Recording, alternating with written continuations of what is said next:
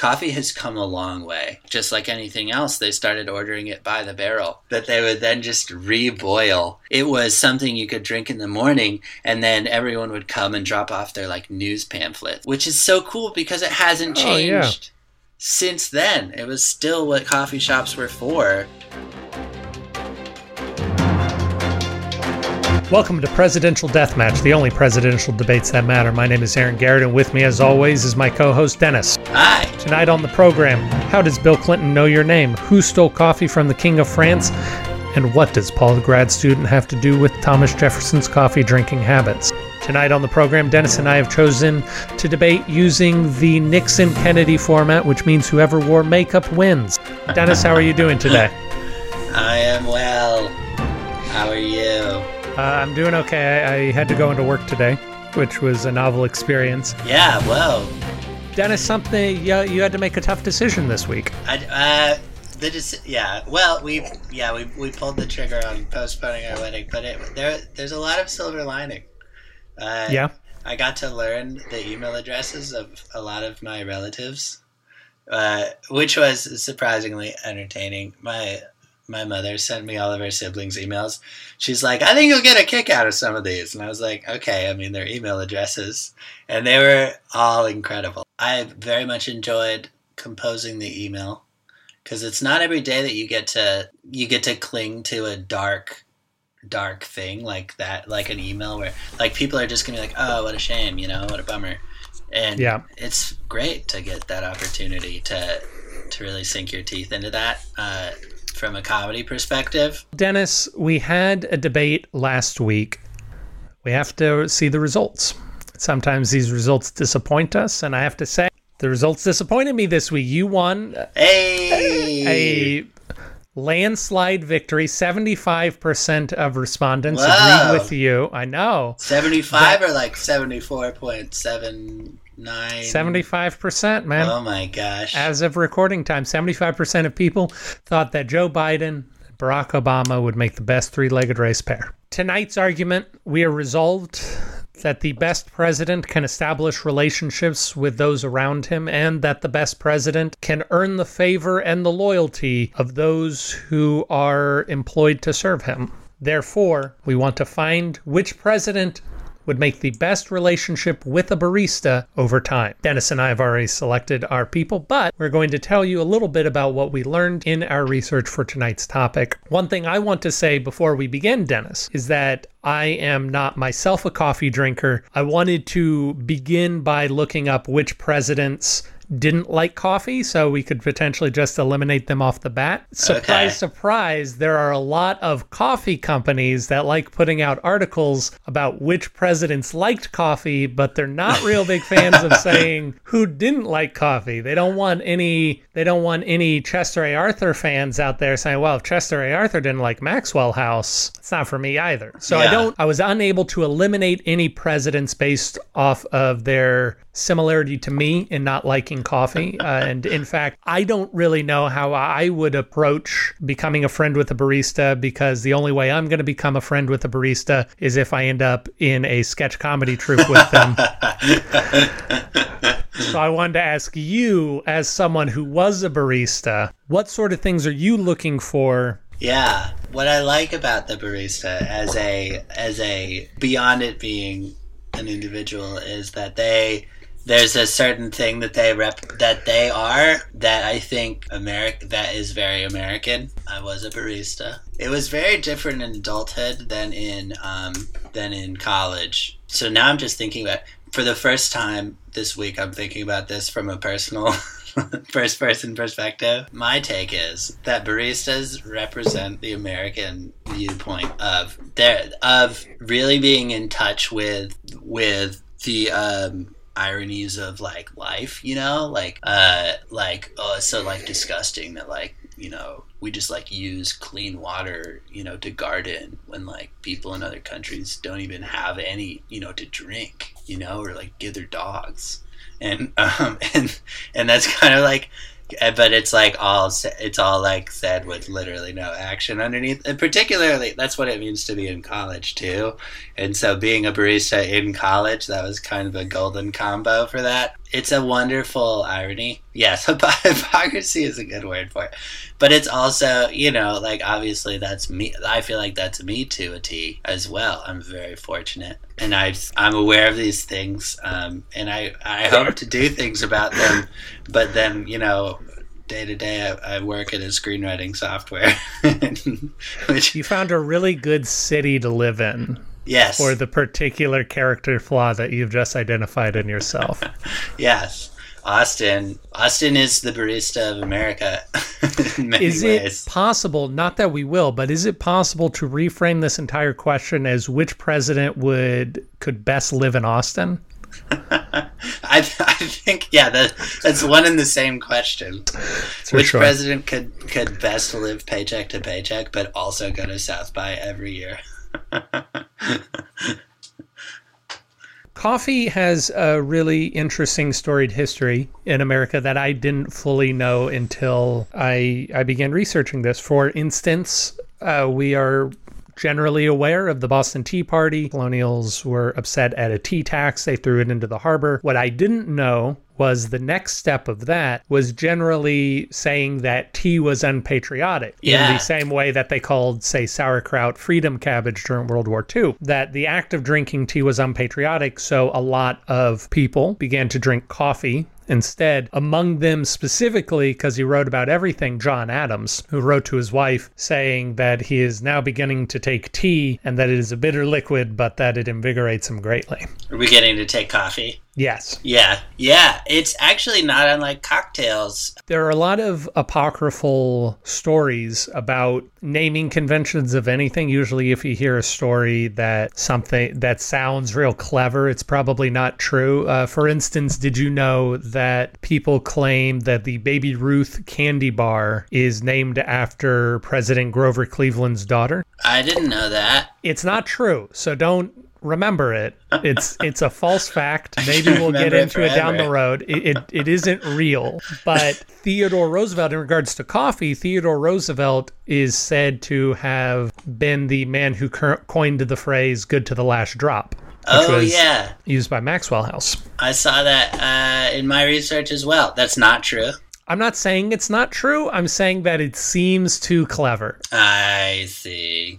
Just liking coffee is not enough to win the hearts of a barista because of course we are not asking tonight which president would you most likely find in a coffee shop. We are saying which president is best up to the task of forging a relationship with a barista we need a president who has nothing better to do but hang around a coffee shop we need a president with a certain amount of charisma charisma is something that a lot of presidents are in uh, great supply That This is is true. that's their currency. So here's the thing with Bill Clinton. Here's why he doesn't get to be one of the finalists, I think, is because he's, I think we could both agree, he would charm many a barista, male or female. And he would get on their level. He'd say, What is this? Like, uh, Hey, hey. hey, kid, what are And then- you? uh What's going on in your world, buddy? I'd uh, like a, a small, small coffee black, please. Uh, all right. Well, we've got the, uh, got the Uh-huh. dark roast from, that's going to be from Ethiopia or Yirgacheffe. No, you don't say. yeah, we've got, uh, Got the medium roast as well. Uh, it's a little on the light side today. That's going to be a Colombia uh, Mm. peaberry, actually, which uh, is pretty unique. I don't know if uh, either if you care. Uh, Devin? president. Can I call you Devin? Oh, oh, how'd you know that? I'm not wearing a name tag or anything. It's just a feeling, Devin. There's nothing I want more than a medium roast right now. Now, do you think that's a mistake, or do you think that's the right thing for me to do? Uh, you, gotta tell you, gotta tell you, former prez. Uh, that's what I had Please. this morning uh, when I got in. It's my Were you favorite. satisfied with it? It's my go-to. I gotta tell you, it really sets me right. Sets me on track. Devin, I gotta say, I like I like what you're saying to me here. Hey, give me one, and uh, why don't you pour yourself another one on me a little later on today? All right. Oh man, that's that's really kind of you. It's really kind of you, Bill. Do you mind? Is it okay if I call you Bill? please, please, please do. Yeah, that's that's Bill. But then my concern is that an hour later, you know, he leaves, he throws away the coffee. Ten minutes later, he's at the next coffee shop down. Playing he- the same old game. playing the same old game. He doesn't even have any reason to network anymore. Like you said, it's his currency. One important thing I think about the barista customer relationship is the power dynamic there. That's interesting. Just because we are asking who's going to establish the best relationship with the barista. The barista gets to decide the answer. It is not who feels like they have the best relationship. It's who does this barista actually look forward to seeing. And my sense is that if I were in that position, I would not necessarily like a person who is overbearing or specific, pedantic. Like I, I don't want someone who, even if they are interesting, even if they are charismatic, even if they remember who I am and remember what I like, if they're overbearing, I'm I'm not gonna I'm not gonna feel it. So if someone like Lyndon Johnson comes in, Uh, and he's a he's gonna remember everything about you, yeah. but he's gonna like pull himself up over the counter and he's just gonna tower above you while he's shouting down his order. It would be the it would be his show, so he probably wouldn't like be interested in the in the coffee. Like he wouldn't he wouldn't engage you on your level. You know, he Right. like. I think that's a really yeah, like a president who it's their show. I think that's what we're identifying can become problematic. And that's going to be so many presidents because very few people become president because they have a low opinion of themselves. Yeah. Very few people do anything where people say their names. because they have a low opinion of themselves. Because also if you're just if you're just a nice guy, you're you're going to be forgettable. Yeah. Right? If you are a, a friend of the podcast, William Howard Taft, William if you're Howard William Taft. Howard Taft, William, Howard, this is what uh, William Howard Taft is going to go. Hi, Devin, how are you doing today? Hey, Taft. President. Can I get my coffee, please? Uh, yeah, of course. Uh, get that for you. Thank you, and see you tomorrow. He's just, yeah. just there's just nothing to Taft. Eh, Yeah. There's nothing to Taft. There's nothing to a Coolidge. A Coolidge is just gonna walk up. He's gonna say, "Hey, thanks." uh, President Coolidge, I know you Yeah. don't really like to say your orders, so I'll just get that for you, and you can stand there silently. It's cool, man. It's cool. Thank you. Sorry, what? Oh, you don't. You don't have to there. I know that. Thank you.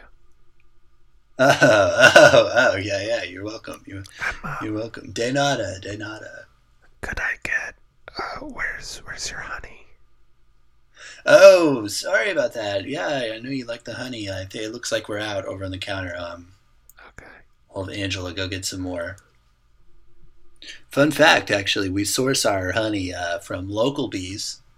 Um, the last seven we have here in Austin, uh, we keep them in the back, um, and we surround them with with. Sorry, I, it seems like I don't know if you're interested or if you're just looking at me because it's somewhere to look. Angela, is there more honey in the back? All right. Uh, I'm just gonna go deal with that myself, uh, so that I don't have to be here anymore. Bye. Who was I? Oh, the other friend of the podcast, Pod's favorite, Prez, The MVB. the MVV, one of his many nicknames, yep. Blue Whiskey Van. Uh, I don't. Yeah, I don't know. What would what what? I, I just wanted to bring him up. What what? I don't know how he would fare. Probably really well, knowing him. Uh, So the thing about Martin Van Buren, similar to a, uh, a James K. Polk, who I keep trying to get on the podcast, but but he's not he's not getting the mix quite yet, is that he was so one track focused. Th- this is what um, Martin Van Buren walks up. Oh, President V, President VB, what's up, my man? Hi, Devin. Uh, could I get uh, could I get just my normal coffee? Yes, absolutely, absolutely. Hey, Devin, can I ask you a question? Can I get uh, like the opinion of a man on the street, something like that?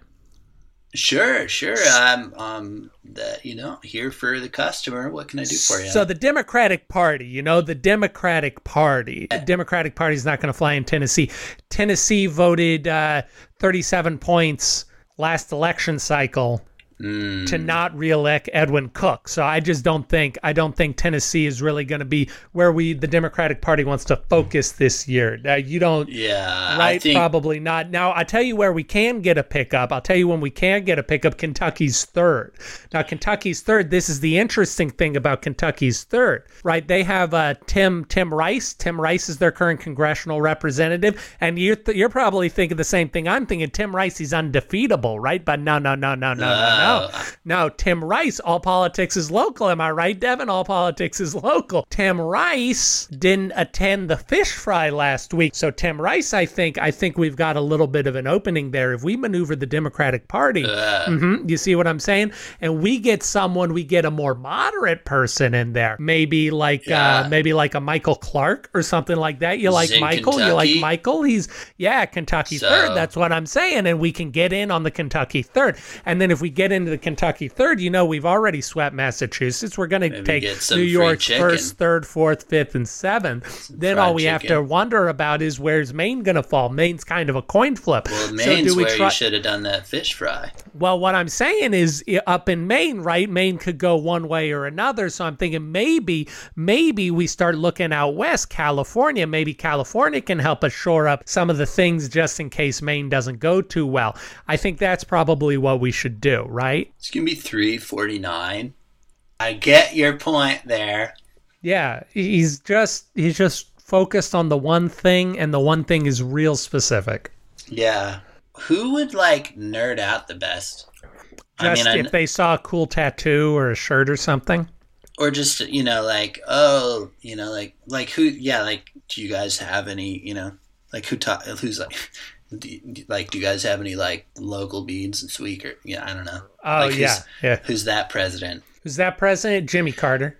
yeah Jimmy Carter Hundred percent, Jimmy Carter. yeah yeah yeah he's a he's a thinker but can he he, he can't do the hypocrisy piece which I think is key like he Yeah. can't stand there and talk to a barista about the problems with America without at some point saying so what do you doing about that And- uh yeah no i'm um i mean i'm talking about it on uh, on twitter man what are you doing about it Oh well, uh, I've currently I'm working on uh, got uh, some uh, a worm that's been really taking down huge portions of Africa. uh-huh Um, in their water, it's microscopic. I th- I think we talked about it last week, uh, and that gave me the idea. You know, what if I Uh-huh. just went ahead and fixed it? So uh, I started a charity. Don't have any of my own money left. Uh, I donated all of that, but I went ahead and uh, I started a, you know, technology. It's really great. I started a Kickstarter, used my public image, and I went ahead and I uh, I, I raised four hundred million dollars uh, to start filtering that water. And so far, uh, it's only, of course, only been three days. Uh, but but uh, I had some good engineers on the job there, and and yeah, so far we've saved seven hundred thousand lives, which is pretty excited about. Uh, it, it, actually, if you'd like to get involved, uh, we can use more. Oh, I've got a pretty full plate. I'm uh, on several Facebook groups. You know what I'm saying? It sounds like we're both doing real important work. Here's your here's your coffee. Okay, well, uh, well, uh, if you're if you are interested, I do have a Facebook group where you could get involved. Uh, Oh. So I'll give you the card for that. That's my Chicago Jimmy Jimmy Carter. My, I don't know. Uh, it's kind of weirdly like that accent is. It's weird that an accent could Jimmy. be like reaching um could be becoming stale in like the world of comedy. The only thing to fear. We have come to the main thrust of this evening's ordeal. Dennis and I will debate the ultimate answer to which president will form the best relationship with the barista over time. Dennis and I have quite an exciting matchup because we are doing not just a presidential matchup that actually happened in real life, but a presidential matchup that actually happened twice in real life. I have chosen for my champion John Adams, second president of the United States. Dennis has chosen Thomas Jefferson, third president of the United States. Dennis has elected to go first. Dennis. Thomas Jefferson, uh, a fitting choice for this third podcast, our third president, but an ever more fitting choice for this question of who would develop the best relationship over a long period of time with a barista. First and foremost, he he is a someone who did enjoy coffee and as we talked about in our conversation, the, these these men uh, from the earliest days of America who were living during the Boston Tea Party, they represent the American thing that is coffee more than more than these more recent presidents but he also he identifies with these baristas in a way that that many can't in his love his uncharacteristic love of the finer things he and of things from Europe. He was the ambassador to France. He would love to talk to you about talk to a barista about coffee forever and about where it came from and about why it was good in that way. And particularly he is someone who was said to be good in a small room but not a uh, so by the end of an extended period I could see him becoming particularly but friendly with a barista, even if it took a week or two. An American institution, bitter yet invigorating, small but potent, an acquired taste. These are words that describe both John Adams and coffee, the beverage he loved. The relationship between a barista and a customer is a difficult one. It's one fraught with perils in the pursuit of a real connection. The barista, of course, doesn't control who comes to their counter, but does control whom is let into their heart, who upon seeing person after person after person, order after order after order, who stands out to the barista, the beleaguered barista, the tired barista, the barista whose feet is sore, is it the customer who knows absolutely everything about coffee, the epicure? I don't think so. It's unlikely that a person will know more than the barista themselves, and if they do, that person's probably a little bit of a dick. Is the person who comes into their life and then leaves immediately? I don't think so. For an easy customer is not an easy friend. The barista will choose for friendship, for conversation, a person with a little bit of grit, a person who can maintain interest, a person who is an enigma, not the easy person, but the acquired taste. And that is why John Adams will be the barista's first choice. Well, to speak to an acquired taste, go no further than Thomas Jefferson. He, and not of coffee, but of the people who make it, we could also say that an acquired taste is necessary. I guess of coffee too. But to say that a barista, a barista loves that person who can talk about coffee even better than they can. Baristas forever learning in their own trade, and a barista isn't looking to uh, make a deep connection with this person over a long period of time. There's something there's something special about this long-lasting relationship, and it is deep. But what makes it deep and what makes it special is that you don't actually know each other at all. I think of PhD candidate, PhD student Paul, who came to our student coffee shop every day, multiple times for hours, or for for all of the years that we were there, and and and when when I was a senior and it was his last his last year and he finished, we gave him so many gifts. And in retrospect it was weird and inappropriate but that's how we felt about him when all we ever said to each other was hey paul do you want another single whole latte? And thomas jefferson would form that same total lack of intimacy with a barista where they recognize that they're similar people but never address it and that's how they would become friends and be close forever. Dennis gives the lie to his own argument. In one breath, he suggests that it is best for a barista to keep the friend that they are seeking at arm's reach, and in another, he says they will be friends. I'm sad to say that I thought I was Dennis's friend, but he seems to think that it is best to keep people away, at least in a professional context. I think that the people who live on in our minds are the people who give us questions the people who have just a little bit of cantankerousness. A person who has seen the world and isn't going to talk to you about this brown drink that has become your job, but instead about the ideas, the stories, where he has been, what he has done, what he has fought for.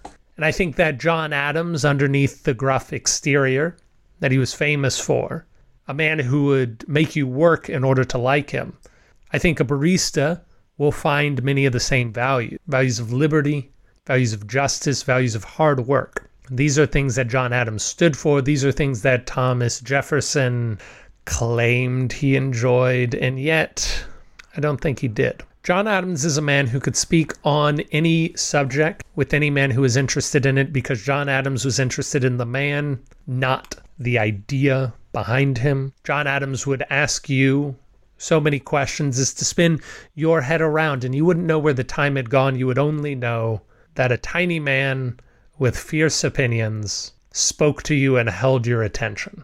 And I think that in a long day, that is really what you're looking for. And after many long days of him coming in at times and leaving at times and dropping in on your life and you dropping in on his, that you would find that ability to be fiery in any capacity, to be alluring. And in that alluringness, you'd be tempted into a relationship that you did not expect before.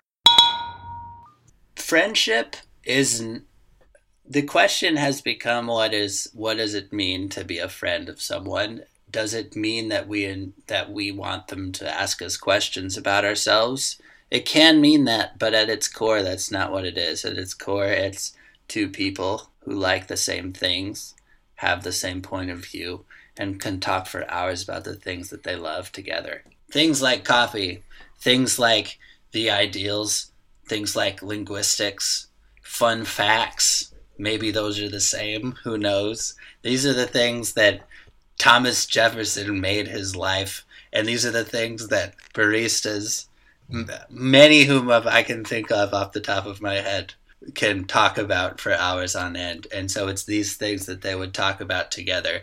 A barista is not interested in a person in a position of power coming in and asking them about their personal life. A barista is interested in talking with someone sophisticated who also cares about the problems in the world but doesn't really want to do anything about them so that they can both feel safe and they can both feel like they stand above it all and that they can and that they that they are smarter than everyone else and that they're really good writers even though they they would just send those things away these aren't things that John Adams can talk about. John Adams can talk about how he likes coffee because it gives him pep. Yeah, it does. Thanks for reminding me that I'm a purveyor of drugs, John Adams. My friend Dennis seems to suffer from a bit of a lack of imagination. The question, of course, was who would create the best relationship with the barista over time, and Dennis has constrained himself to merely the relationship of seller and buyer. When I believe that there is a man who can break through that flimsy paradigm and reach the person underneath. And it is my opinion that all people seek to find someone who can truly understand them. Now, is it possible that baristas are not people? Yes. I am not here to speculate on their humanity. I believe they are human. Dennis believes that they are not human. This is ultimately not what we're asking. What we are asking is is a person, a full human being, more interested in a parrot who mirrors back their own opinions and their thoughts and their feelings, or a rival, a person who can stimulate, who can challenge, and who can excite on his own merits. Would your average barista rather have a conversation even keeled the man who did not know how to buy clothes that fit? Or would a barista rather have, if they were given the full and honest choice, of a person who helped them become more of who they were by tempering them in the fire of fascinating conversation? I still believe John Adams was such a man and that Thomas Jefferson was a bit of a goof. Well, that was our debate. Of course, you can vote in the winner of the debate who will be announced in next week's episode. You can do so. You can find a link to the poll in our episode description or wherever you have found this episode. Presumably, it'll be somewhere in there. I'll be excited to hear your thoughts. Dennis, you brought up uh, in in a conversation about John Adams and Thomas Jefferson, you pulled out a, the character of Paul the grad student oh man, I don't know. I was wondering if uh, there are any other interesting or fun things that happened to you while you were an employee of the greatest volume coffee shop in Houston, I believe. Yeah, I forgot about that. Yeah. Yeah. Um, yeah, that was a classic. I, it is funny because at the time it seemed so reasonable. It was like he, it was like it's like we got him like an apron and a hat or something, and he was very touched. But in retrospect, he was probably touched because he like re- like really was not expecting a place where he just went and bought coffee to like get give him presents. Um, and he also stopped having to say like he stopped having to say anything like pretty soon because everyone knew what he got you know, until the next year when new employees were in or whatever. So, Dennis, we're exploring an important question next week. It'll be the most current question that we have explored on the podcast thus far. What are we debating yeah. next week? It's a twist to be current for us. It's true. We we've mentioned the current president but once. The question we want to pose is now that our Democratic candidate is ha, is is presumed as they say on Wikipedia, Joe Biden has to choose a vice president. It's probably going to be pretty soon. So we want to ask which president from American history or recent history would be the best vice president for Joe Biden. Thank you for listening to Presidential Deathmatch, the only presidential debates that matter. I am Aaron Garrett, and with me, as always, was Dennis Buddy. This podcast is edited by Aaron Garrett. Music is by David Feslian. You can find us on Apple Podcasts and Spotify or wherever fine podcasts are sold. Find us online at pronoiatheater.com and please vote in our poll to decide who is the winner of tonight's debate. Thank you, and we'll see you again.